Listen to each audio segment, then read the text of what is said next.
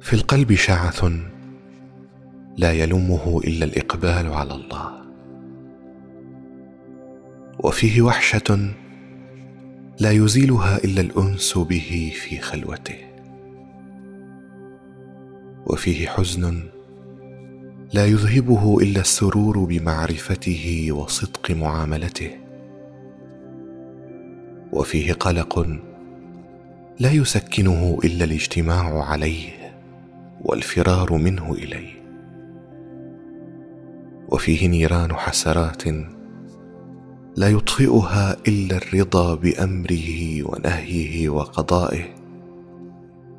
ومعانقة الصبر على ذلك إلى وقت لقائه. وفيه طلب شديد لا يقف دون أن يكون هو وحده مطلوبه. وفيه فاقه لا يسدها إلا محبته والإنابة إليه ودوام ذكره وصدق الإخلاص له. ولو أعطي الدنيا وما فيها لم تسد تلك الفاقة منه أبدا.